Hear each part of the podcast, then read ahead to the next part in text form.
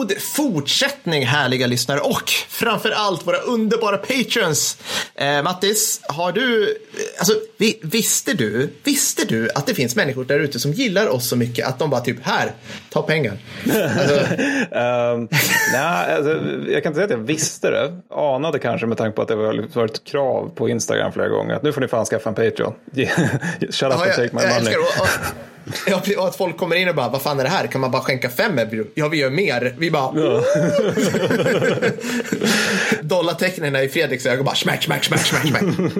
Nej, men eh, svinkul. Och eh, det, det, här är superkul. Och ni som är patrons, det kommer bara bli bättre. Bli patron. Ni som inte är patrons, bli patrons. Det kommer inte ångra er, vi lovar. Ni kommer skratta eh, tre gånger så mycket som ni gör nu. Mycket mer. Allting blir, allting blir roligare. Det. det. blir en glittrigare värld. Jag lovar. Gå in på Patreon, sök på Krigshistoriepodden med två D, skriv upp er. Vi finns, jag ska också säga så här, vi finns ju som sagt på Twitter, Instagram och eh, Facebook.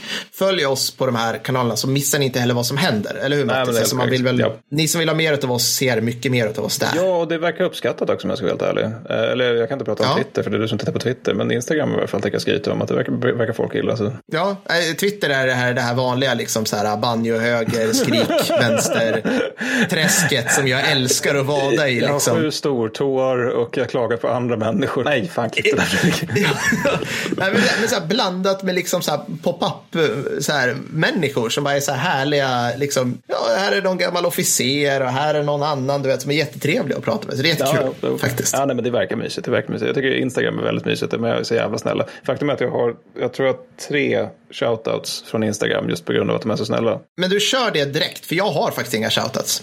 Det var ju tråkigt. Ja, ja, ja men, men alltså det, det, det, är så trevligt hela tiden. Jag kan liksom inte välja något. Okej, okay, men uh, oavsett då. Jag tänkte faktiskt börja med en som jag tyckte var lite intressant. För att det här är första gången som vi på iTunes, rate oss för helvete, har fått en enstjärna. Alltså inte första gången vi fått en enstjärna, men första gången vi fått en enstjärna. Ja, jag vet. Första gången vi fått en enstjärna med en motivation. Och det är en, en stjärna från Maria Montasami som skriver mycket omotiverat skrattande, punkt. Konstigt, punkt. Och ja, jag vet inte riktigt. Det är liksom, nej men fine, det, det, här är ju uppenbarligen en person som kom till fel podd helt enkelt. Eh, hon skrev det här ja, ja. i lördags och när vi spelar in nu så, så släppte vi avsnitt 20 Männen som älskar kriget igår. Och i lördag så låg det ja. 30 kriget ute. Och där var det faktiskt en kompis som tyckte att vi gick lite över gränsen där med, med, med öla bröla stämningen. Och det, det tog vi hårt. Däremot Maria Montazami känns mest som att det är en person som nog hamnade lite snett. Ja, jag har fattat. Alla gillar ju mitt näsfnissande åt dina förluststaplar. Jag förstår inte ja, riktigt. Alltså, hur, hur, hur kommer det sig att den här responsen man... inte kommer från Tarrava? Det var ju mycket, mycket värre. Ja. Det, var ju för, det lever fortfarande människor som i det slaget. Det var i alla fall amerikaner. Ja, ja, skitsamma, nu ska inte jag sitta och vara tunnhudad eller uppvisa hur tunnhudad det är. Nej, precis. Ja, nej men då så. Jag, jag ska, eller vad fan, vi kör två stycken shoutouts helt enkelt från Instagram. Men tack alla som säger snälla saker. Det var i alla fall så mycket som Erik som skrev Hej, tack för en fantastisk i versaler-podd. Jag är en avdankad krigsman som läser militärhistoria för Försvarshögskolan och tillhör således målgruppen antar jag. Ni har hjälpt mig på seminarium mer än en gång. Fick stående ovationer för min utläggning om att Tyskland är svinbra på krig men dåliga på krig. Tack för det, väldigt coolt. Har tvingat alltså, halva min klass att lyssna. Alla ska med. Tack så mycket Erik, det var nu, nu, ja, och nu, Fredrik vrider ju på sig nu för att det där var ju en sosse-slogan. Men Fredrik, ja. vi kan också tjäna pengar på det här. För att Försvarshögskolan, ni lyssnar nu, vi kan nämligen komma och gästföreläsa till er. Vi kommer fakturera som en bättre influencer, men det gör inget, för det kommer vara så jävla kul. Ja, ja men alltså den andra är då Lars eh, som skriver Lycka är att få ett nytt avsnitt av sin favoritpodd på sin födelsedag. Fast jag fick svårt att få tillfälle att lyssna på det när min fru födde barn. Prisa Sankt Konrad. Sen är en oerhört söt bild på en oerhört söt bebis. Ja. Och, så, och sen så fortsätter då Lars med att skriva. Hade det blivit en pojke så hade den givetvis fått heta Permattis. Men det blev en Ronja istället. Jag får försöka övertala frugan och försöka igen. Här vill jag nu alltså stryka under att Ronja är ju i Astrid Lindgrens saga om Ronja Rövardotter, Mattis dotter. Så att jag skulle vilja hävda att det är andra Just gången det. i poddens historia som jag har fått någon döpt efter mig. och vi är på avsnitt 20. Alltså jag, jag älskar det. Fucking fantastic. Allting ramlar över dig Mattis. Vi behöver en kult. Ja, ja, ja. En, person, en bättre personkult. Ja, men en stor lada någonstans ute ut i i liksom inre Norrland och sen så måste du Per lära dig allt du kan om hur man gör sprängämnen. Liksom. Och sen så är vi där. Ja, ja, ja, givetvis. Och apropå personkulter, nu lyssna på den här övergången grabbar. Eh, Ja. Idag ska vi prata om Koreakriget. Ja. Där man kan säga att det styrdes väldigt mycket av människor som var omringade av sina personkulter. Ja, gud, ja. är ni med nu? Ja. Men Fredrik, få höra den här uh, Mr Sandman, den här 50-talslåten Mr Sandman. Bam, bam, bam, bam, bam, bam, bam, bam, bam, bam, bam, bam, bam. Bam, bam, bam, bam, bam, bam, bam, bam, bam, bam, bam, bam, bam. Mr Sandman, du du du du I'm so alone. Bam, bam, bam. Vi har inte rättigheterna till den här låten. Då kommer de stämma vår stjärt. Mr Sandman, det är någonting, någonting. Tack, för att det här symboliserar så jävla mycket hur USA gick in i kriget. Och nu, Fredrik, kan jag få så här stämningsmusik här nu? Mattis, är du med? ja, jag är med. Jag är med. Jag sitter på, på nålar. Jajamän. Tänk dig att du tillhör ett sjukt underprioriterat GSSK-kompani någonstans i Sverige. Jag nämner, vi har tre skytteregementen, jag nämner inget P4. Ni går och drar på regementet, går högvakt istället för att ha skjutvektor. Ni, ni bara dricker mer. Det här, det här är så här, anställda soldater i Sverige som hamnar fel. Det finns sådana också. Det är inte ert fel riktigt. Ni, ni kan liksom inte riktigt era vapen. Ny, nyexade officerare som varken har budget eller kompetens till att vässa er till den nivå ni borde vara. Liksom. Men så helt plötsligt en dag så kommer det en insats, ja, typ. Ni, ni ska aktiveras och åka som en slags fredsbevarande styrka till östra Vi- Vitryssland på inbjudan av den regeringen. De säger till er att några ryska milisgrupper gått över gränsen, att det kommer bli en piece of cake, de kommer fly när de ser er i vägspärr. Ja, absolut, frågar du liksom. Har det inte varit någon form av motstånd? Ja, men de här vitryska trupperna som skulle hända det här, de, de har brutit, men du kan ju bara ana Mattis hur usla de är. Kom igen, det är vitryssar, skärp dig. Det är liksom, de är vita, de, och ryssar. Det är liksom, de har redan gett sig i princip innan. Herregud alltså. Men det är, det är Ja, myror ja. liksom. Ja, men du, du, du liksom, alltså, ä, även om du inte känner dig så hemma på din soldatmateriel just nu och du vet, du har liksom inte fysat på ett par veckor och du är fortfarande bakis från igår så tänker jag ändå bara, fan det här kan ju inte vara något problem när du sitter där i, i aulan liksom. Kom, kommer vi behöva någon ammunition eller kommer vi inte behöva mer ammunition eller pansarvärn säger du än vad vi har övat med? Nej, säger de. Det behövs ju knappt. Plus att mycket av det som finns i förråden har ju tyvärr gått till andra förband som varit mer prioriterade och du tänker så här, fan, ja, ja, men nice att få lite stålar. I varje fall, ni åker ner till det här stället under en ledning av en överstelöjtnant du aldrig sett och ni går i ställning helt enkelt. Ni, det är en väg som passerar, ni, tänker, ni lägger er lite grann i så här, de- grupperna och du bara, ah, det här känns obekvämt, ska vi ligga här länge till eller? Ni pratar om utgången ni ska göra på regementsorten när ni kommer hem, ni ska fästa upp den lilla missionspeng ni har fått, ni har redan planerat det här som fan, ni har redan egentligen bokat bord på regementsortens bodega. Fick någon med sig snus eller hojtar du? Nähä, en Nocco då? Nej men vad fan, skit i det då. Ni slappar vid era vapen. Ni har inte grävt ner er minimala försvarsförberedelser. Du har någon så här, någon jävla oklar nyexad Fenrik som går runt bakom er och han vet inte fram och bak på sin egen röv, mycket mindre sin egen AK liksom. Hur som helst. Sedan hör ni det Mattis. Det mullrar i fjärran. Hmm. Det här låter inte som milismän i pickisar, tänker du, och kliar i huvudet. Längs vägen dyker de upp sedan, i full kareta. T90-stridsvagnar varvade med BM3 Treo. Ni har några granatgevär och p-skott med er, men de neutraliseras omedelbart av motmedel när det ger eld. Täten brölar över er, krossar det lilla ihop, var, ihopslafsade kompani som ni har dragit ihop och ni flyr. Ni flyr fan hals över huvudet. Efter några dagar, Mattis, så kommer du till en annan okunnig officer som drar ihop de svenska soldater som finns, skapar en ny vägspärr. Samma sak händer. Och igen. Och en gång till. Och det här, Mattis och Fredrik, Fredrik kan du ta bort nästa nyhetsljudet. Sluta.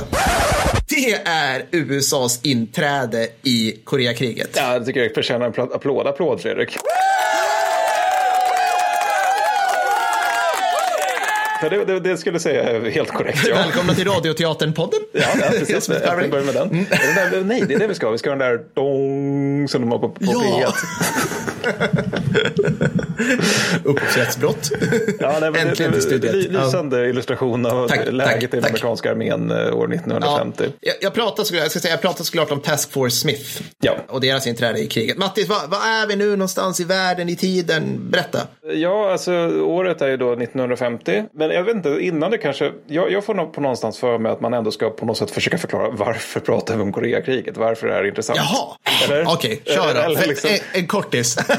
Nej, men bara Nej, snabbt sådär. För att jag tänker, om, om, om, man, om man tänker sig liksom vilka krig vi minns sådär som västerländsk kultur. Då är det ju världskrigen. Och sen så är det liksom Vietnamkriget naturligtvis. Och för oss som liksom har är 80-talister så, så är det ju liksom de här krigen i Mellanöstern. Alltså notera det är framförallt Mm. amerikanska krig vi minns. Med Koreakriget. Det är ju kriget ingen minns. Nej. Alltså jämför mängden filmer som har gjorts om Korea eller om Vietnam eller andra världskriget. Det är ju liksom inte ens en jämförelse. Eller mängden Nej. böcker det kommer ut. Alltså både fackböcker och, eh, och eh, skönlitteratur. Eller musik för den. Det finns typ ingenting. Eller varför inte om man jämför med det. Liksom det är som att det kommer emellan. Så det känns ju som att det är det perfekta kriget för den här podden. För det är med andra ord det ultimata hipsterkriget. Ja, jag vet. Och jag, Jag menar, jag, är så, det- det- jag är så slagen i det. Jag älskar ju Koreakriget.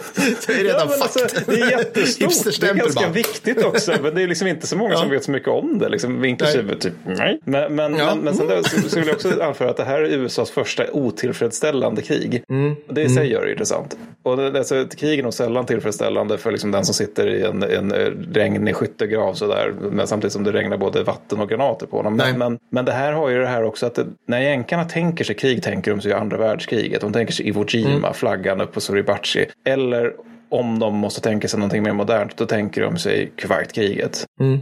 Slam dunk, inga konstigheter. Men möter en tekniskt underlägsen fiende som ställer upp pansardivisioner i öken och vi har totalt luftherravälde. Vi förlorar liksom typ fler i, i, i olyckor än i stridsförluster på grund av vår Ja, dominans total. Medan de förlorar liksom tiotusentals stupade på grund av att vår dominans total. Så det är liksom de tillfredsställande krigen för USA. Men sen har vi Korea som är första av många under 1900-talet som är just otillfredsställande. Det är rörigt, det är lite oklara mål, vart, vart slutar det egentligen och så vidare. Och det är kanske också därför det är liksom lite bortglömt sådär. För att det är inte tydligt så att det är som i Vietnam, att de förlorar. Eller som andra världskriget, att de vinner. Utan det är mest det här amorfa, konstiga, kalla krigskonflikten där liksom det är egentligen kalla krigs första krig mellan su- supermakterna och Sovjet, eller eh, kommunisterna kollar med västvärlden. Är ni redo att slåss för någonting sånt Mm. Här? Och västvärlden bara, Exakt. "Ja, ja." Men vart vi befinner oss? Vi befinner oss i, i Korea. Förlåt, det där blev en avstickare. kanske inte var någon bra. Vi kanske ska klippa bort den. Eh, Vem bryr sig om Korea?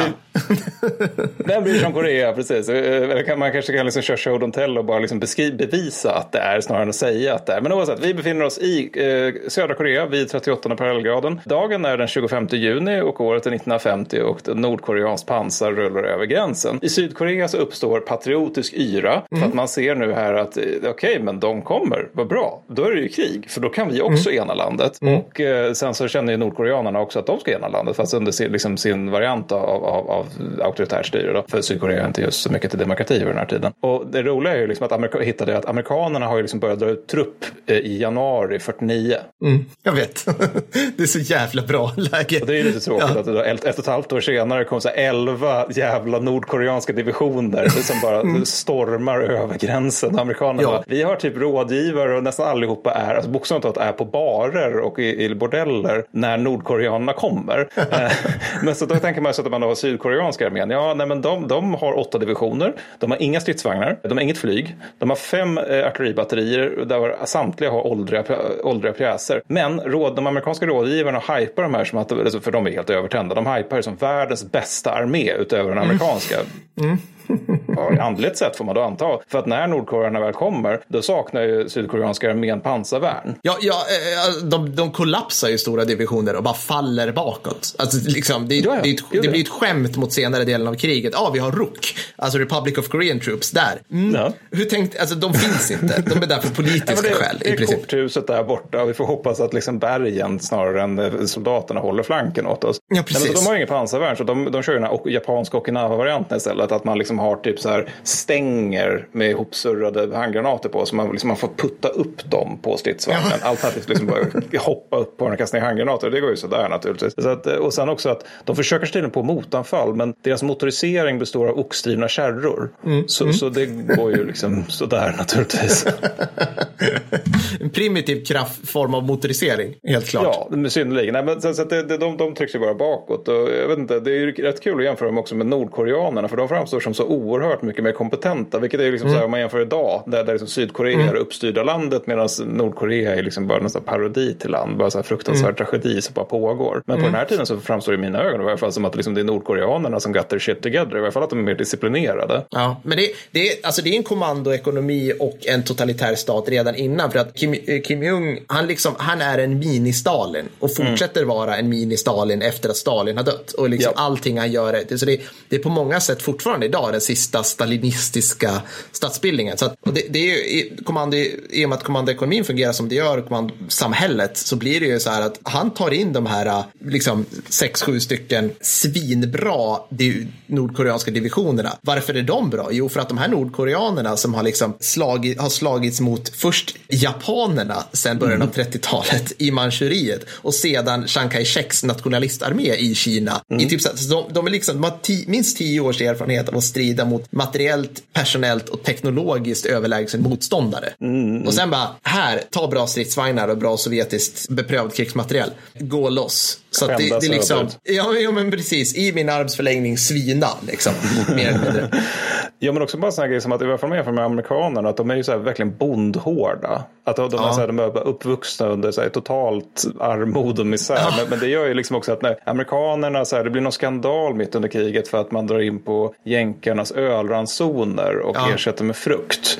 Och det är för att man, man på civilian är arg över att eh, knäktarna får öl överhuvudtaget. Men jag menar nordkoreansk trupp har väl aldrig sett vinkeln av en ölflaska alltså under Nej. hela sina liv. De, de, de, vet ju bara misär egentligen och det kan ju vara en fördel för man ska vara ja, och jag menar, vi, vi, kan ta det nu. Jag hade tänkt ta det när, liksom, när kineserna kommer in, men vi, vi pratar ju sällan om det här som Dan Carlin, vår husgud, eh, i hans podd pratar om det här med toughness. Alltså så här att det finns så här, folk är hårda och det, på riktigt, det har vi, tycker vi är lite töntigt här i Krigshistorie-podden. Fredrik yep. och Mattis nickar nu säger vi. Ja, och det är lite töntigt. Men här, det liksom, i varje fall i början av kriget så spelar det verkligen roll. För att de som ska stoppa de här äh, svinhårda, alltså bondkärva nordkoreanerna som är liksom tioåriga krigsveteraner och har jävligt bra materiel. Det är alltså amerikanska 20-åringar som har gått med i armén för att de ska få supa och ligga i Japan. alltså så här, ja, på ja. riktigt. Alltså, jag, jag, kunde inte, jag kunde liksom inte skriva allting det som det här som du då Matti som tillhörde GCC CSK-kompaniet mm. har gjort. För att det, ni skulle liksom inte tro på hur jävla slappt de hade det, amerikanerna i Japan. Men det var liksom så här, ja, du var en menig. Ja, men då hade du, du hade typ två stycken som väntade utanför dörren på morgonen. Det var eh, liksom en pojke som tog hand om all din uniform och allting och sen var det din egna geisha. och sen ja, tar du med din geisha ner till glassbaren. sen det glider du runt. Det att inte överdriver. Nej, så att, att, det var otroligt slappt. Och det här är ju så jävla intressant, för sånt här kan nästan bara hända i demokratier och det är väl bra och dåligt såklart. Men USA efter alltså 1945, de hade vunnit. Hela världen var deras skulle man kunna säga. Men de hade fortfarande kvar sin liksom mellankrigsmentalitet. Du får rätta mig om jag har fel, men de, de, de liksom bara bra nu släpper vi det här. Vi, vi sätter igång liksom Marshallplanen och sådär. Men, men det öronbedövande politiska hemopinionen. Och jag menar den amerikanska hemopinionen som vi sagt många gånger i den här podden är ju det som styr stora delar av alla krig ja. under 1900-talet. um, ehm, den vill bara hem alla. Den vill ha hem alla sina män, pojkar, allting. Ja, det där var ju också en del anledningen till att Truman kände att de behövde liksom få ut slut andra världskriget snabbt just för att de höll på med den där demobiliseringen där alla veteranerna bara, nej men vi ska hem på grund av vårt poängsystem. Så de som mm. ska användas för invadera Japan, det är liksom bara så här gröna förband är väldigt stor del. Ja. Och det, det, blir, det, kommer ju öka på förlusterna ganska kraftigt. Så. Ja, men, men sen också att de har den här idén att vi har atombomben nu. Mm. Det innebär att för både inför Korea och Vietnamkriget är liksom så här, stämningen lite grann, vi har atombomben, behöver vi då armén? Alltså mm. inte, inte mm. så här färre, utan snarare kan vi bara ta bort det här vapenslaget så. För flottan har ju kärnvapen och sen så har ju flyget kärnvapen och, sen, och det, det, det enda vi kan tänka i termer av det är total, liksom verkligen total global förintelse. Det är det vi gör oss redo för. Och armén, den kommer inte vara så mycket att ha i ett sånt läge. Så då, då, då är det liksom väldigt svårt att tänka sig vad vi ska ha den till. Och då dyker ju förstås liksom kommunisterna upp. Ja, vi tänkte oss med så här avgränsade konflikter som är på Ja, någon så här ja. liten eh, bortglömd del av Östasien då, Ja. där man kanske inte vill bara njuka hela världen för att det Nej. liksom har dykt upp några gla- stridsglada koreaner i Korea. Och amerikanerna Nej, är inte både Vietnam och Korea. Va? Huh? Va? Ja. ja, precis. De läser inte Nordkorea. Men skit bara, så här, helt plötsligt är det typ 1800-talet så här hertigekrig som knackar på dörren och bara hej, lo- lokala krig, it's a thing. Ja. Ja. Välkomna liksom. Nej, men det är en avstickare, men det är så roligt för amerikanerna gör alltid så här. För att alltså, efter guld- eh, Kuwaitkriget, då var det så här. Ja. Nu, nu har vi vunnit mot eh, Iraks armé här. Det innebär att krigets och dess eviga lagar har för evigt förändrats. Nu kommer det så här, flyg och smarta vapen förändra allt. Det innebär Ja. vi behöver inte liksom ha lika mycket troops längre, vilket ju sen också då under Irakkriget innebär att man invaderar med för lite folk för att hålla Irak. Det vill säga det som Ja. är alltså, majoriteten av Irakkriget. Man invaderar med tillräckligt stor styrka för att ta Irak, men att hålla skiten, nej, nej, nej, nej för det blir för dyrt. Det. Vi har teknologin nu. Det innebär att vi behöver liksom inte faktiskt folk, vilket är ju, Mm. Nej. de gör alltid så här. Det är liksom alltid Ja, något nytt. Då, då förändras allt det här med behovet av infanteri. ja, jag vet. Ja, men det är helt sjukt. Så att, Okej, men i varje fall tillbaka till Task Force Smith. Så att det Ja. är de här att trattbassarna, eller det, ja, och, och usla gröna officerare. Så att det liksom, att vara i armén på den här tiden var ju inget som någon strävade efter. Du hade liksom misslyckats på riktigt. Det var liksom Ja. så här, go to prison or go to the army liksom. Och, och, då, och hamnar du då i, var du, var du liksom lite bättre, liksom de topp 30 procenten alltså, bästa som de tog ut, de hamnade ju såklart i Europa. För där trodde, alltså Mm. långt in i i Koreakriget, där trodde ju liksom alla att the big showdown skulle vara. De ville Mm. ju liksom så här, de, det, är ett, det, är ett stor, det är ett stort krig i Korea nu. Nej, nej men vi, vi håller igen trupperna här. För att det kan hända, det kan braka loss i Europa under den här tiden. Att, Och, och det säger mycket om hur svårt det var för Truman och pojkarna när de skulle sitta och planera för så här att just att vi, vi kan inte utesluta att det här inte är bara så här kommunistvärldens stora anfall i väst. Att ryssarna kanske kommer vid Fulda liksom. Precis. Alltså det, det, det, måste ju vara lite klurigt det där för. Ja, för de såg ju hela kommunistvärlden som en enda monolit. Alltså de bara, här, här har vi Ja. Kim Il-Sung och här har vi Mao och här har vi Stalin. De är liksom, de är polare för de är alla kommunister. Vilket är ju roligt. Alltså, liksom, så här, man har ingen Tusentals år av historia spelar ingen roll. Vietnameser Nej, nej, nej, är nej. kineser. Det kommer Ja. säkert vietnameserna hålla med om. Ja, Alla de här, det är typ samma människor. De bor på den här stora oklara landmassan där det finns massa skog och stäpper. Det måste vara typ samma. Eurasien. Ingen förstår, ja, precis. Ingen förstår språken de säger. Nej, nej, nej. Nej, nej men precis. Och, och, och till som du sa också, vem fan bryr sig om armén? Så att de använder ju, alltså, de använder ju sämre, bazoo, liksom, sämre bazookas än vad de hade 1945. Så att granaterna studsar på T34. Och T34, Mattis, ska vi Ja. återkomma till i främ eh, avsnitt Det ska vi definitivt göra. och, och ta ner lite grann på jorden. Så att, ja, så att det här är roligt. Och jag menar, ta vid här då, det jag beskrev nu är ju alltså att gång på gång så krossar den här nordkoreanska pansarkilen igenom de amerikanska trupperna som, som liksom hastigt dras ihop. Du, kock, eh, signalist och ni tre så här oklara förare som står där borta. Kom hit, Ö, öka liksom. Får de springa hit. Här är ett vapen, lägg det där, skjut mot en stridsvagn. Jag, jag kan inte, vad ska jag, vad är vapen? Ö, spring, nu kommer de. Och så där händer om och om igen. Ja, I ja. princip. Ja, men det, det är också ganska intressant med den här tidiga delen, just hur ofta det är som amerikanska förband flyr. För, för alltså, det, det vet. läser man inte om sådär jätteofta i andra världskriget. Det är några gånger jag den offensiven och så, så är det typ Bunagona 42-43 där under andra världskriget. Men just det här, liksom, det, man läser ju inte just det, eller egentligen generellt moderna arméer, att, att liksom hela kompanier och bataljoner bara, nej nu springer vi. Men det sker ju liksom flera gånger här på väg söderut Ja. under reträtten. Det var någon, någon jag hittade som, där, där man insåg liksom, eh, att okej, men den här bataljonen, 60 procent av manskapet har antingen dödats eller tillfångatagits. Framförallt tillfångatagits. De överlevande har kastat sina hjälmar, de har blivit av med sina kängor och nio av tio har inte längre sina vapen. Nej. För att de har bara slängt dem. Men, men och då, då är det ska tilläggas, att sam, sam, det regementet var också så här att ja, men vi har nätt och jämnt vapen. Alltså de hade en bar per pluton med 200 bulor till varje bar. Och då kan jag Ja, tillägga precis. här nu alltså att och under, vad tycker vi om bar? vad tycker vi om bar? Men, men också liksom att under slutet av andra världskriget har marinkåren ganska ofta tre bars per skyttegrupp. Ja, ja. Ja, kontra en per pluton. Ja, det, det är så jävla hopplös status. Jag menar, liksom, alla har varit med om att, att fucka upp den här. Det finns, liksom, från Truman och neråt så är det liksom hela politiska ledningen har, varit totalt med på det. Och jag menar, Dean, eh, nej, inte Dean Ackesson, skitsamma, försvarsministern eh, då, han ville liksom skära ännu mer Ja. i det här. Typ under tiden på det pågår.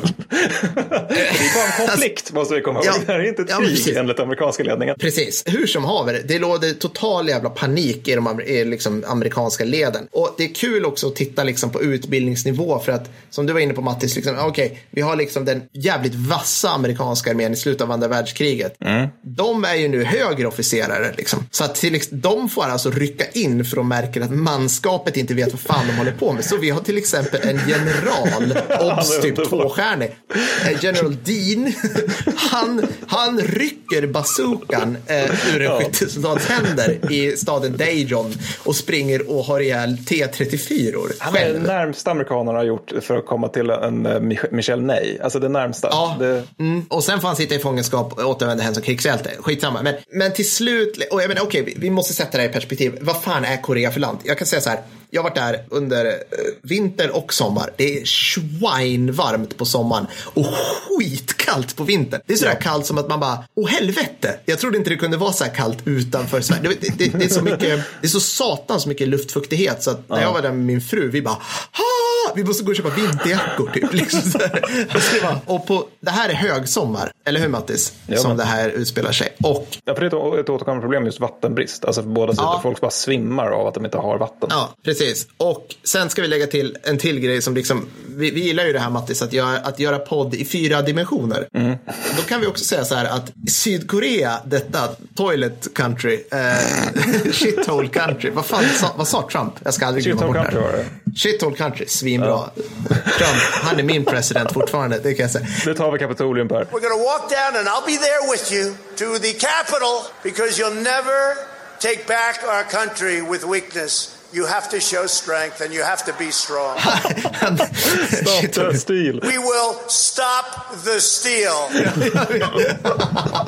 Eh, vi ska inte skratta, det, det här är ju, det här kommer ju om två veckor. Det, det kanske är inbördeskrig i USA när det här Ja, det är släpps, fan vi vet sant. inte. Fredrik, du- du får vara noggrann med klippningen här. Ja, det får det verkligen vara. Nej, men i varje fall, Sydkorea är på riktigt ett shithole country. För de har behandlats som djur av kolonialmakten Japan så jävla länge så att, alltså, vi pratar i, alltså inte en skolgång. Alltså ingen, ingen har någon högre utbildning för alla har använts som liksom piskade slavar. Trälar mer eller mindre. Ja. Trä- ja, trä- alltså, kvinnorna det- som, som japanerna kallade för comfort women på engelska. Sex, sexslavar alltså för, på svenska. Ja, så att, jag menar, Korea i det här läget och har varit så under hundra år, det är liksom Östasiens svar på delar av Polen. Det har varit liksom Ja. dörrmattan i den delen av Asien. Ja, nej men vi, de trycks ju bakåt då. Man tvingas retirera amerikanerna. Och mycket av det här är att på något sätt där, det slog sig det när jag läste på om det här igen, att det var på något sätt är det här som att det här är en av de sista gångerna som i alla fall USA, men jag skulle tro egentligen västerländska krigsmakter generellt får möta liksom en konventionell bondearmé som också slår dem. För, för att alltså det, det som händer är ju just det här med att eh,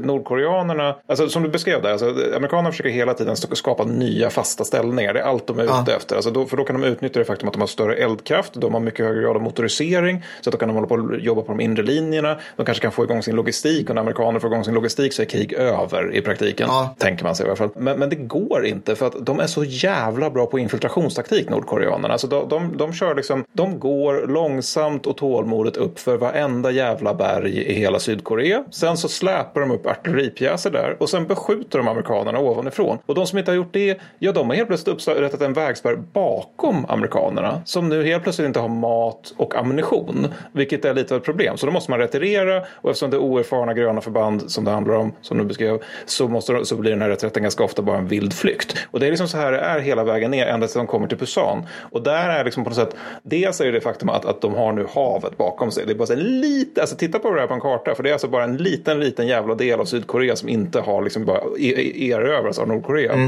Så att då, då är det så att det, det går inte att springa med. Nu måste vi gräva ner hälarna. Men dels är det också det att de faktiskt kan börja upprätta någon form av faktisk linje. Alltså att de kan, de kan stabilisera sina flanker. Och då är det liksom att de, de, de lyckas ju ha, jag tror amerikanerna har fått i fält totalt tre divisioner och ett regimental combat team. Och sen så finns det också fem rockdivisioner då som, som är vid Pusan. Och vid det här laget så är det här är också helt galet. För att det har alltså gått sex veckor av det här jävla kriget när de kommer till Pusan. Och då, vid det laget så har amerikanerna förlorat 6 000 man. Sydkorea 70 000 man. Och det, det galna med det här är ju otroligt lite vi kommer prata om rock under den här podden. För att de, Ja. de, de blöder sig inåt helvete. Men, men, men, men så totalt 76 000 för, för eh, liksom lag västvärlden. Och sen så är Nordkorea kanske 60 000 eller någonting. Men grejen är att deras, de har 11 divisioner totalt. Men det är typ det de har också. De lägger verkligen allt på ett kort när de inleder den här offensiven. Så de, de är liksom, de divisionerna är nu ganska ordentligt försvagade. Och Mm. det som händer i Pusan då när amerikanerna bara får liksom lugna ner sig lite grann. Och det får liksom bli någon form av avstanning i det här höga tempot som det var söderut. Det är just det här med att amerikanerna kan börja få in saker. De kan börja få in materiell. Och det är ju här liksom så här amerikaner vinner krig. Att de bara pumpar in grejer. Och sen så kommer de här Ja. grejerna för att sedan vara så många att fienden dör bara av grejernas blotta tyngd. Och inte minst flygstridskrafter. Precis.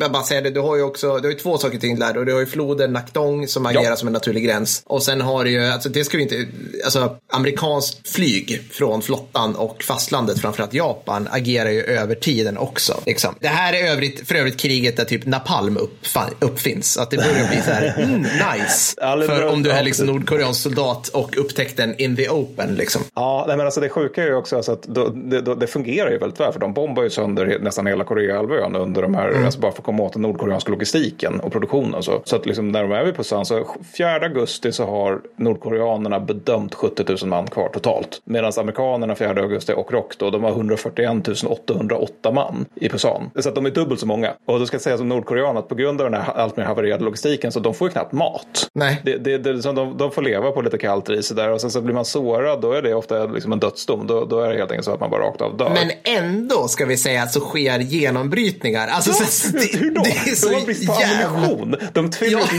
leden med tvångsvärvade civila från Sydkorea som Ja. de inte ger vapen och utbildning utan som bara är liksom kanonfoder bokstavligen Ja. talat. Och trots detta så lyckas de alltså pressa amerikanerna och rock i en månad. Men alltså man, man blir nästan så här att man känner så här en amerikansk skyttekompani eller skyttepluton i, i någon, något så här 23rd Regiment är liksom motsatsen till våra estniska trosskompanier. Alltså de Ja, är motiverade, dåligt utrustade. Alltså de, de, trots man bara, nu måste ni kunna hålla. De bara, nej.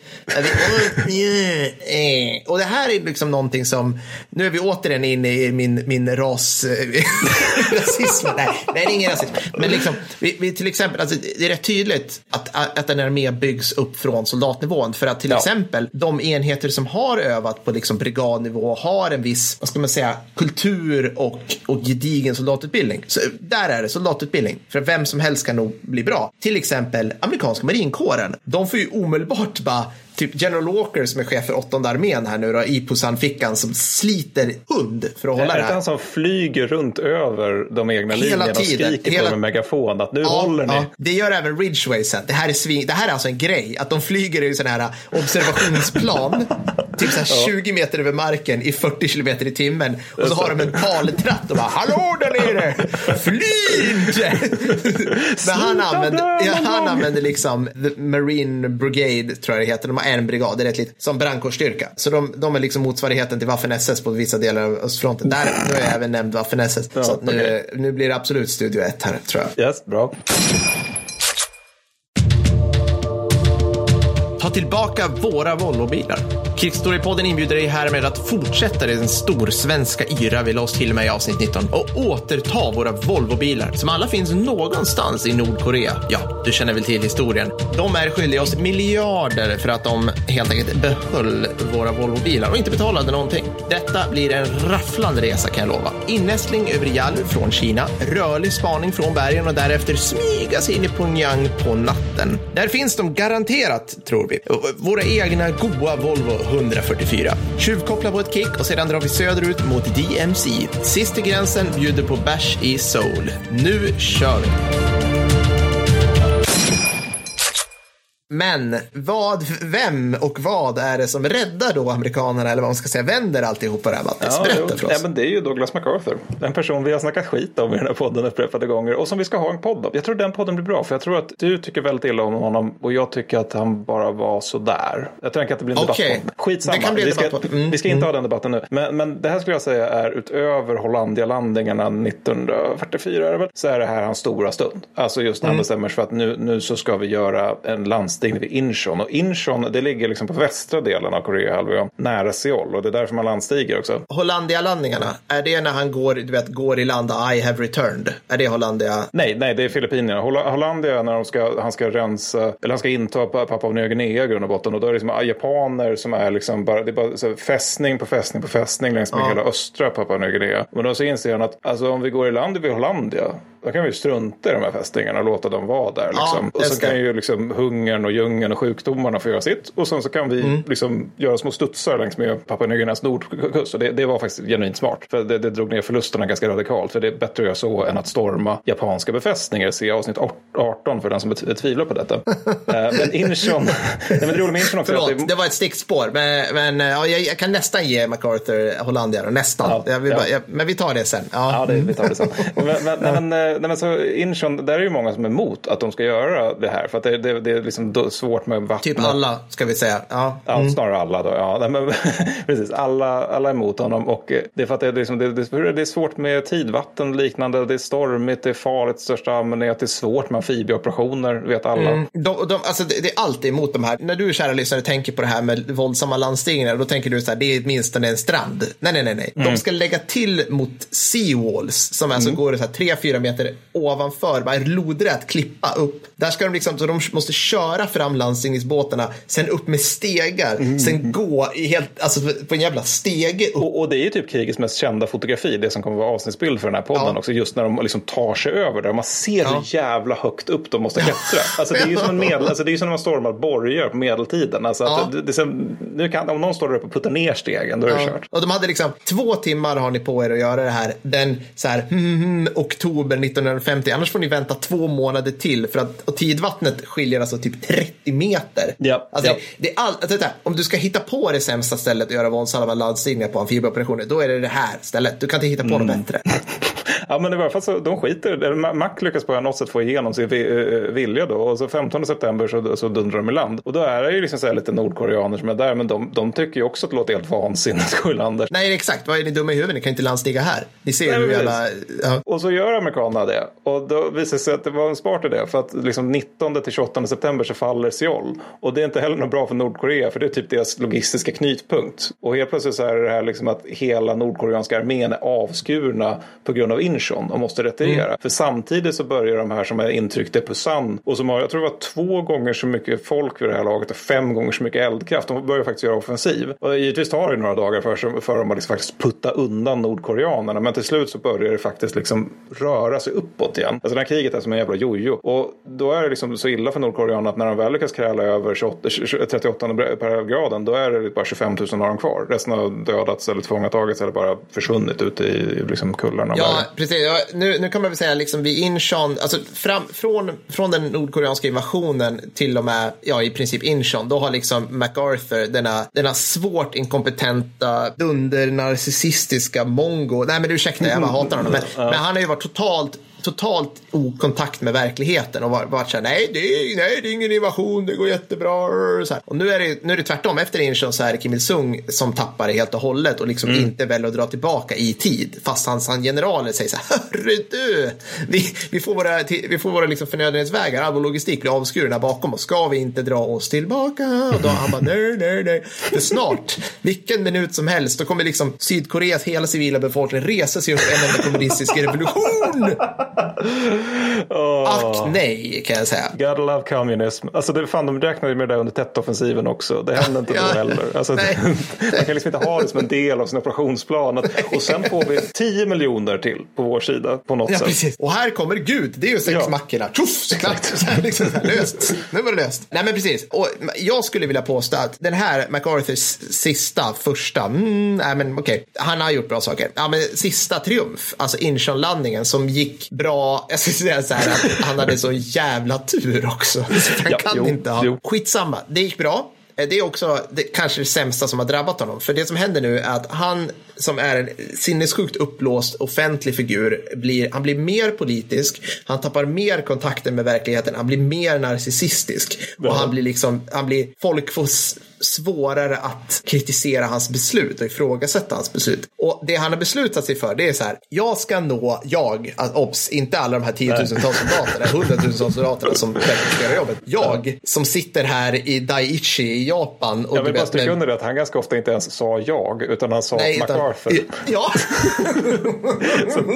Den tilltalar herregud. MacArthur vill att någonting ska ske till sin fru, Precis. som, som för övrigt kallade honom general. ja, precis. All, aldrig Douglas. när de skulle ha möten, så här, Ja. typ, eller så här, sociala event, då kom hon före dem. Före honom, alltså han skulle alltid komma sist. Det här var, det här var, han gjorde, hela hans, han försökte göra en teater över hela sitt liv där han var medelpunkten. Ja, skitsamma, det här är en, ah, välkommen till biografipodden. Men Nej, men fast det, är inte helt irrelevant ändå för det, det, det, det som är poängen. För att men grejen är att det här blir ju också bara värre av andra världskriget. Han får ju fucking Ja. Medal of Honor för att förlora Filippinerna och Ja. retirera och överge sin armé på Filippinerna. Förvisso på presidentåret, men då, det får han Medal of Honor för. ja, jag vet. Och sen så liksom han när han ska ta tillbaka Filippinerna, då, då är det liksom mot slutet av det fälttåget så inser Pentagon att han tar delar av Filippinerna som vi inte har gett order om att han ska ta. Så vi måste godkänna det i efterhand. Ja. För att, och det är ju egentligen att han springer runt hela militärhierarkin. För att han, han, är, ju, han är ju för stor för att bry sig om vad liksom generalstaben råkar tycka och Ja. tänka om saker och ting. Han måste mest, vara mest besvärliga direkt underställda chefen som finns i världshistorien. Alltså att de, Ja, de borde bara ha, alltså på försvarshögskolan borde de bara ha så första kursen på hopen, liksom, första dagen på hopen bara en bild på MacArthur och så bara texta, var inte som han, punkt. Alltså så här, det behövs inget mer. Allting som han gör nu, gör inte det. Och ah, han gör allt fel för att han, han säger, tänker så här, kineserna kommer aldrig någonsin se in i kriget, jag ska ta hela, förena hela, Nord, hela Korea och ska pressa liksom nordkoreanerna framför mig hela vägen till Yalu, kosta vad det kosta vill. Kartan får styra verkligheten. Trupperna ska vara hemma till jul, säger han också. Trupperna ska vara till jul. Aldrig ett bra tecken. Nej, aldrig bra tecken. Han splittrar sina styrkor i två olika arméer som han inte ger möjlighet att samarbeta med varandra. Han splittrar dem bland liksom, alltså Nordkoreas sinnessjuka bergskedjor i Dalarna. Där kör amerikanerna. Så det är en perfekt jävla storm för det här. Ja, men för, för också, det, det, det är ju så roligt det där med vilken egen värld, eller det kanske det kommer till, alltså, att det, det är liksom bara en jävla, liksom en, en, en drömfabrik som är hans stab vid det här laget.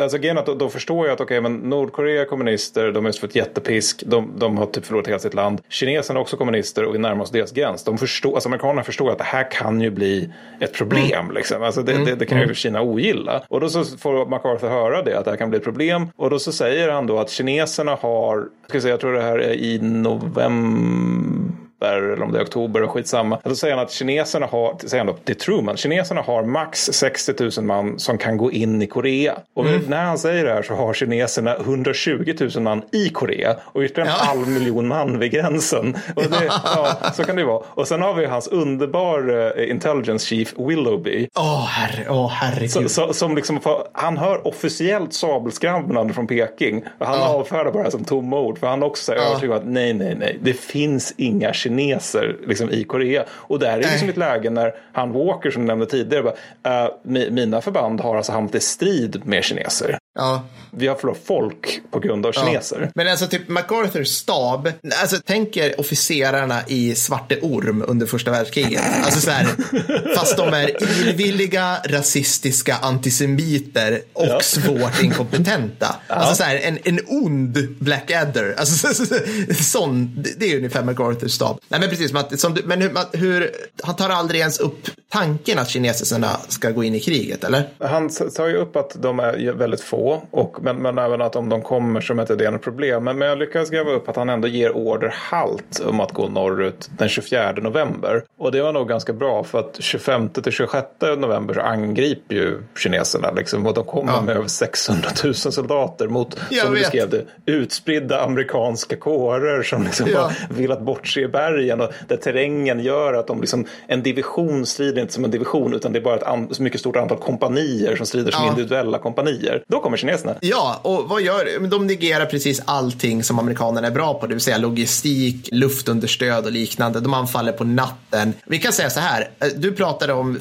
fullskalig reträtt. När kineserna smackar på andra division, amerikanska andra divisionen, då upphör andra divisionen att existera. Ja. Det, jag tror det är, och sen faller hela jävla åttonde armén söderut. Det här är, Mm. vi kommer lägga upp kartor på det här såklart, men det är liksom västra delen av Sydkorea, eller av Korea, koreanska halvön. Och de fortsätter att retirera. Alltså, eh, det, finns, det finns beskrivningar där folk bara, nej, jag, jag orkar inget mer. Jag, jag bara drar. Alltså så här, vi, och det här sönderfallandet tror jag aldrig har skett en amerikansk armé, varken före eller efter. Jag kan inte, Ja, det skulle vara under inbördeskriget, och så, för jag kan inte komma på någonting under andra världskriget på rak arm. nej. Nej men också att då, då, så här just andra är så också tvungna att springa, alltså medan de retirerar, springa ett gat, gatlopp genom alltså, en mils långt rullande eldöverfall från kinesiska förband. Ja, man läser, man läser om det där och man fattar inte hur folk kan överleva. De Nej, förstår nej, det inte det galet. själva. Alltså det, det är liksom, du har kineser på båda sidor av den här vägen. Alltså det, är- det är ungefär Ungefär som de här liksom, eldöverfallen vi gjorde i lumpen. Det är så här perfekt. Det perfekta eldöverfall. Liksom. Och här åker folk sittandes på stridsvagnar eller sittandes i öppna jeepar. Mm. Alltså, ing, i, ingen kroppsskydd, ingen splitterskydd, noll, nada. Nej, och det är ju alltid någon sån här stridsvagn som går sönder eller slås ut längst fram. Liksom, så att alla resten av divisionen måste stå still och vänta på att, någon, liksom, så att de fem som är längst fram på något sätt ska kunna liksom, knuffa undan den här, det här jättemonstret. Och, men återigen, det, det sjuka är att återigen är just det här med att det är en, på något sätt en reguljär grillarmé eller en reguljär bondarmé som verkligen bara trasar sönder amerikanerna här. Ja. Alltså, de, de saknar motorisering. De har i stort inget artilleri. De har inget flygvapen. De har ingen radio. De kommunicerar via trumpeter och liksom flöjter. Alltså, bokstavligt Ja, ja, bokstavligt ja. att de gör Ja, det. Det, det är ja. de första tecknen på att, kineserna, att amerikanerna förstår att kineserna är i norra Nordkorea. Det är att de hör musik i bergen. Ja. Alltså, de går omkring där i vinterkylan så hör de liksom musik från flöjter och tänker det här är spooky som fan. Vi kanske borde rapportera uppåt och så sitter Willy och bara nej, nej, nej. Det är bara lokala herdar som spelar för sina får. Eller något, jag minns inte. Men, Ja. men, men, nej, men alltså just att de, det är så oerhört primitivt och samtidigt är det att de är bra på infiltrationstaktik och terrängen gynnar dem. Alltså det gör att de, de kan slå betydligt över, högre över sin viktklass. Sen bara en annan grej förresten, för de är disciplinerade som fan. Svin mycket. Mm. Ja, men det är helt stört. För jag läste om hur det var. De lyckas ju ta hela här enorma styrkan till marscheriet och norra Nordkorea utan att amerikanerna egentligen märkte det speciellt mycket. Och det var ju alltså för att de marscherade för hundratusentals man på natten. Och då var det en av deras arméer, och jag har för mig att den kinesiska armén vid den här tiden motsvarar en liksom västerländsk division då. Men de, de tar sig alltså 50 mil alltså till fots för att nå Korea. Under den tiden så marscherar de hela tiden under natten. När det är dag, då är det maskering som gäller. Alla ligger i sina tält, ingen röker, ingen säger någonting. Och om någon gör någonting av eh, eh, ovan, då avrättas de där och då på stället. Det är liksom graden av drakonisk Ja. jävla disciplin i den här armén. Det, det, är liksom, det är helt obegripligt. Ja. Ja, och de här också, det här är som gräddan av den kinesiska armén. Det här är alltså också män som är liksom, de, de, tar, de tar en fånge till exempel. Han är, det, det är ungefär som att nyryckta värnpliktiga skulle ta typ en SOG-soldat som fånge och han står där med så här helskägg, 35 bast och bara, ah, ja, ja. Och de bara, "Ja, berätta, vad har du gjort? Han bara, nej men jag har stridit för kommunistarmén i tio år, jag var med på the long march, jag har typ personligen strypit ut ett halvt dussin, du vet, nationalistarmésoldater. Nu är jag här, jag vet inte. Hur många är ni här? Jag menar 600 000 utav oss. Vart är ni någonstans? Ja, där, där och där inom 50 meter härifrån typ. De kommer ja. Äta dig Ja. i, i natt liksom. De har sett er sitta och röka i era värn under hela natten. Alltså, alltså det, det, det är helt sjukt. Men återigen, och vi, vi, har ju, alltså, vi har ju kanske några, jag ska inte säga memes, men vi, om, om man känner till, vi ska måste säga det ändå, om man känner till Koreakriget någonting, då känner man ju till kanske till Choisin-reservoaren. Det finns lite kända bilder. Och det som händer där är inte att amerikanska förband krossas. För att där, återigen, håller amerikanska marinkåren till. Och den amerikanska generalen Smith, krigshjälte allting, han säger så här att Nej, jag tänker inte framrycka i den hastighet du vill, MacArthur, för du är typ dum i huvudet, slutcitat. alltså, så här, på riktigt. Utan han lägger liksom, ba, han bygger så här baser och underhållsdepåer hela vägen upp. Så att, och håller ihop sina förband så att när väl kineserna anfaller så tar han stryk och han rycker bakåt. Men han, de lyckas inte splittra hans förband i mindre delar och tillintetgöra dem som händer eh, västra Ja, de får med sin tunga materiell till exempel. Bara en sån sak. Exakt. Alltså, det, det gör ju inte andra divisionen i väster. Nej, alltså ja, en sak som jag tycker är så jävla tråkigt, eller det finns mycket saker som är tråkigt säger han och näsfnissar om det här kriget. Men det, det är liksom det att ungefär någonstans här så dör General Walker i en bilkrasch. Ja, det är han egentligen som har, han har fått mycket skit den här karln under sitt, alltså folk säger att han inte var tillräckligt duktig, han satt i knät på MacArthur, men han, han hade det sämsta läget ever. Hans Washington lyssnade inte på honom. MacArthur, hans chef, lyssnade inte på honom. Han hade asdåliga soldater, alltså det, allting sög. Men han lyckades hålla. Ja, han, har- han höll på pussar han också får man ju ge honom. Ja, det, precis. Det, Det som händer efter att han har försvunnit, egentligen, han, eller förstå, efter att han stupar i, en- i en olycka, det är att Matthew Ridgway och Fredrik kan få höra något så här.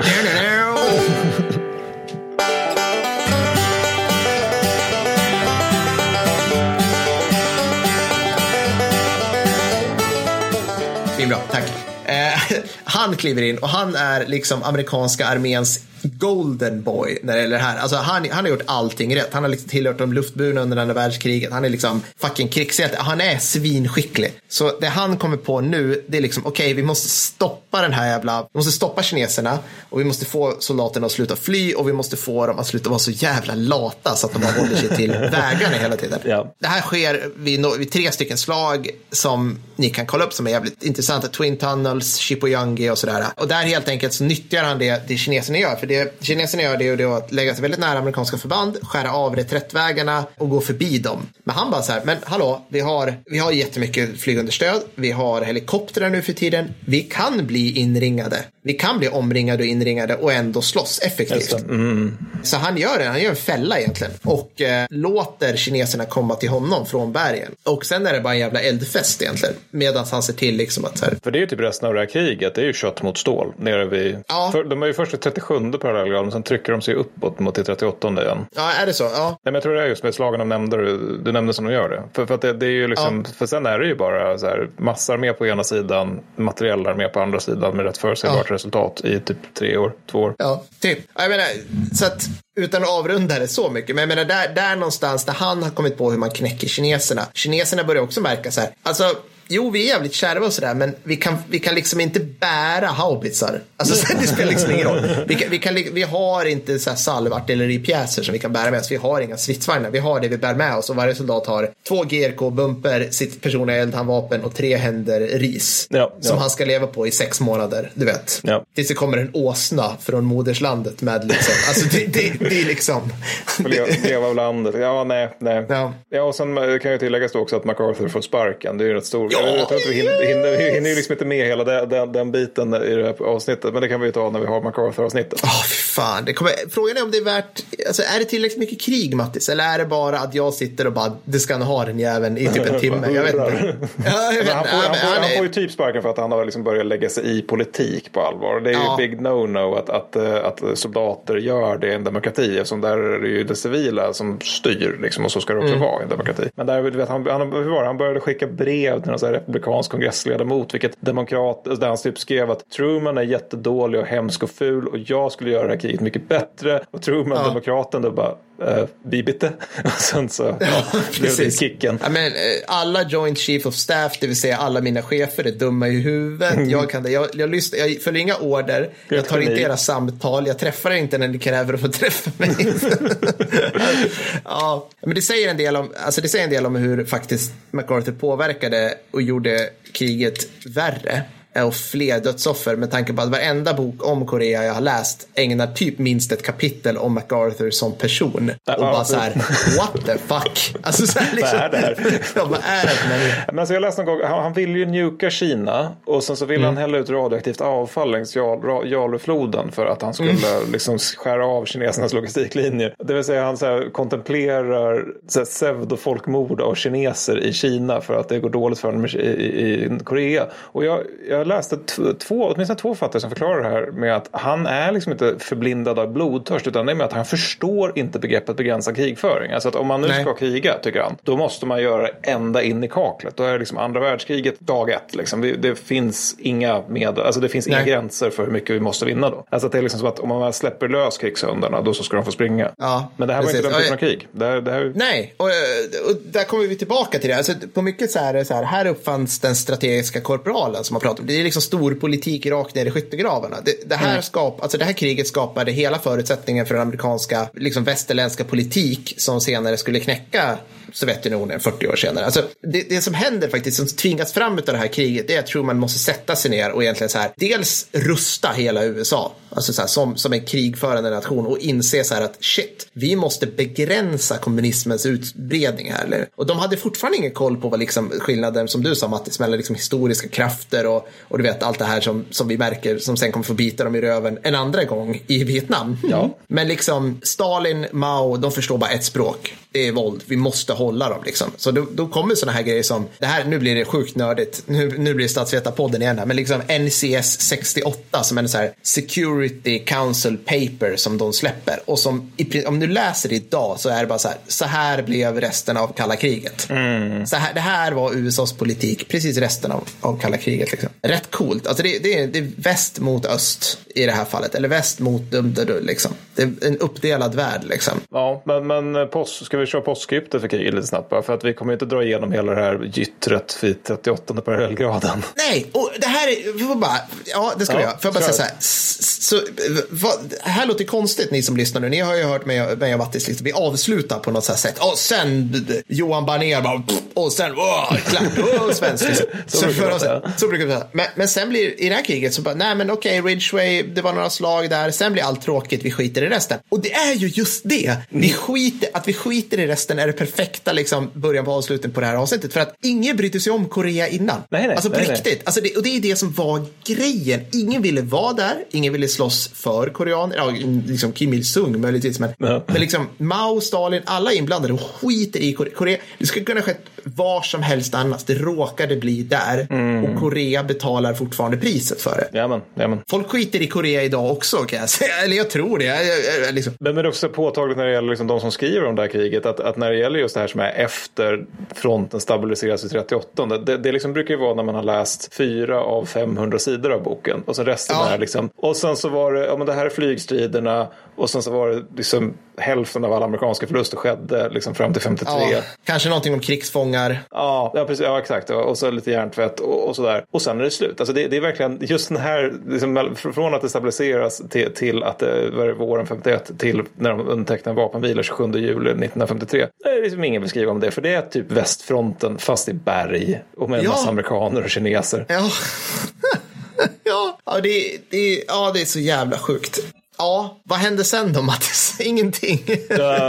Ja, men sen, det var, det var, vad hände sen? Det var amerikaner för 36 500 stupade, ROK 171 000, cirka 400 000 stupade nordkoreaner, alltså det, det var ytterligare kanske 209 000 kineser och så en massa sårade. Så förlusterna är på miljoner, alltså civila förlusterna är var 2 till 3 miljoner döda c- civila, både nord och sydkoreaner. Så att det var ju liksom ett helvetes lidande helt enkelt och eh, ja, eh, kriget är liksom inte slut egentligen om man, man tänker sig liksom relationen nord-syd. Så. Nej, Så, så att kriget slutar med en pyspunka och då är det liksom på något sätt lite passande att vi slu- avslutar hela berättelsen om det med lite av en pyspunka. ja, jag tycker vi gör det. Jag, jag älskar ju Koreakrig, men man man måste ju grotta ner sig lite i delar för att det ska bli kul. Så att, eh, jag, jag kan inte ens låta det släppa det på en pisspunka. Jag, jag kan rekommendera folk att läsa om det. Det är väl det jag ska säga. Ja, det, det definitivt, blir min, definitivt. jag pumpar lite, lite luft i det här töntiga däcket. Så, så, så, ja. Skitsamma. Fredrik, kan vi få höra Per söker ett jobb-jingel? Per söker jobb. Jag säger Per söker jobb. Gärna Västerås och gärna inom marknadsförande. Jag specialiserar mig på sociala medier och content, men även journalistik och bra. Gjort allt på en tidningsredaktion, arbetsledare, erfarenhet samt erfarenhet från Försvarsmakten. DM oss eller mejla. Söker jobb hela dagen lång. Jajamensan, söker jobb. Åh, tack! Ja, Per Wallin söker ett jobb. Per Wallin, det är jag. Jag har lärt mig sen sist att man kan bli av med sitt jobb och man kan vara någon som heter arbetslös. Det har inte jag varit förut, men jag tror jag är det just nu. Jag kan massa saker. Jag kan vispa ihop en episk Janssons frestelse medan jag killgissar kring Falklandskriget. Hemma hos dig. Jag kan fakturera för det här. Det kommer bli billigt. Nej, men helt ärligt. Jag är journalist i grunden. Jag har hållit på mycket med digital marknadsföring med mera. Jag driver Krigshistoriepodden som du nu lyssnar på. Ge honom ett jobb helt enkelt. Ja, men fan ge mig ett jobb så, att, eh, så fixar vi det här. DMa oss på sociala medier eller mejla eller var som helst där jag finns så skulle det vara trevligt. Ja, det var väl fan det. Mattis, nästa avsnitt. Då ska vi prata om kon- kontrafaktisk historia. Det var en av våra Patreons som ville att vi skulle göra det. Så då gör vi det. Det ska vi göra. Det ska vi göra. Det här ska bli, eh, det här ska bli spännande. Jag har en slags hatkärlek till det här ämnet. Så Ja. det, det blir nog bra. Jag är med. Jag har förstått eh, att man inte borde hålla på med det egentligen. Men vi ska göra det. Det vill säga alltså historien om om kontra fakta. Det som inte hände. Jajamensan. Det blir bra. Vi syns då. Yes. Hej då. Ha det bra.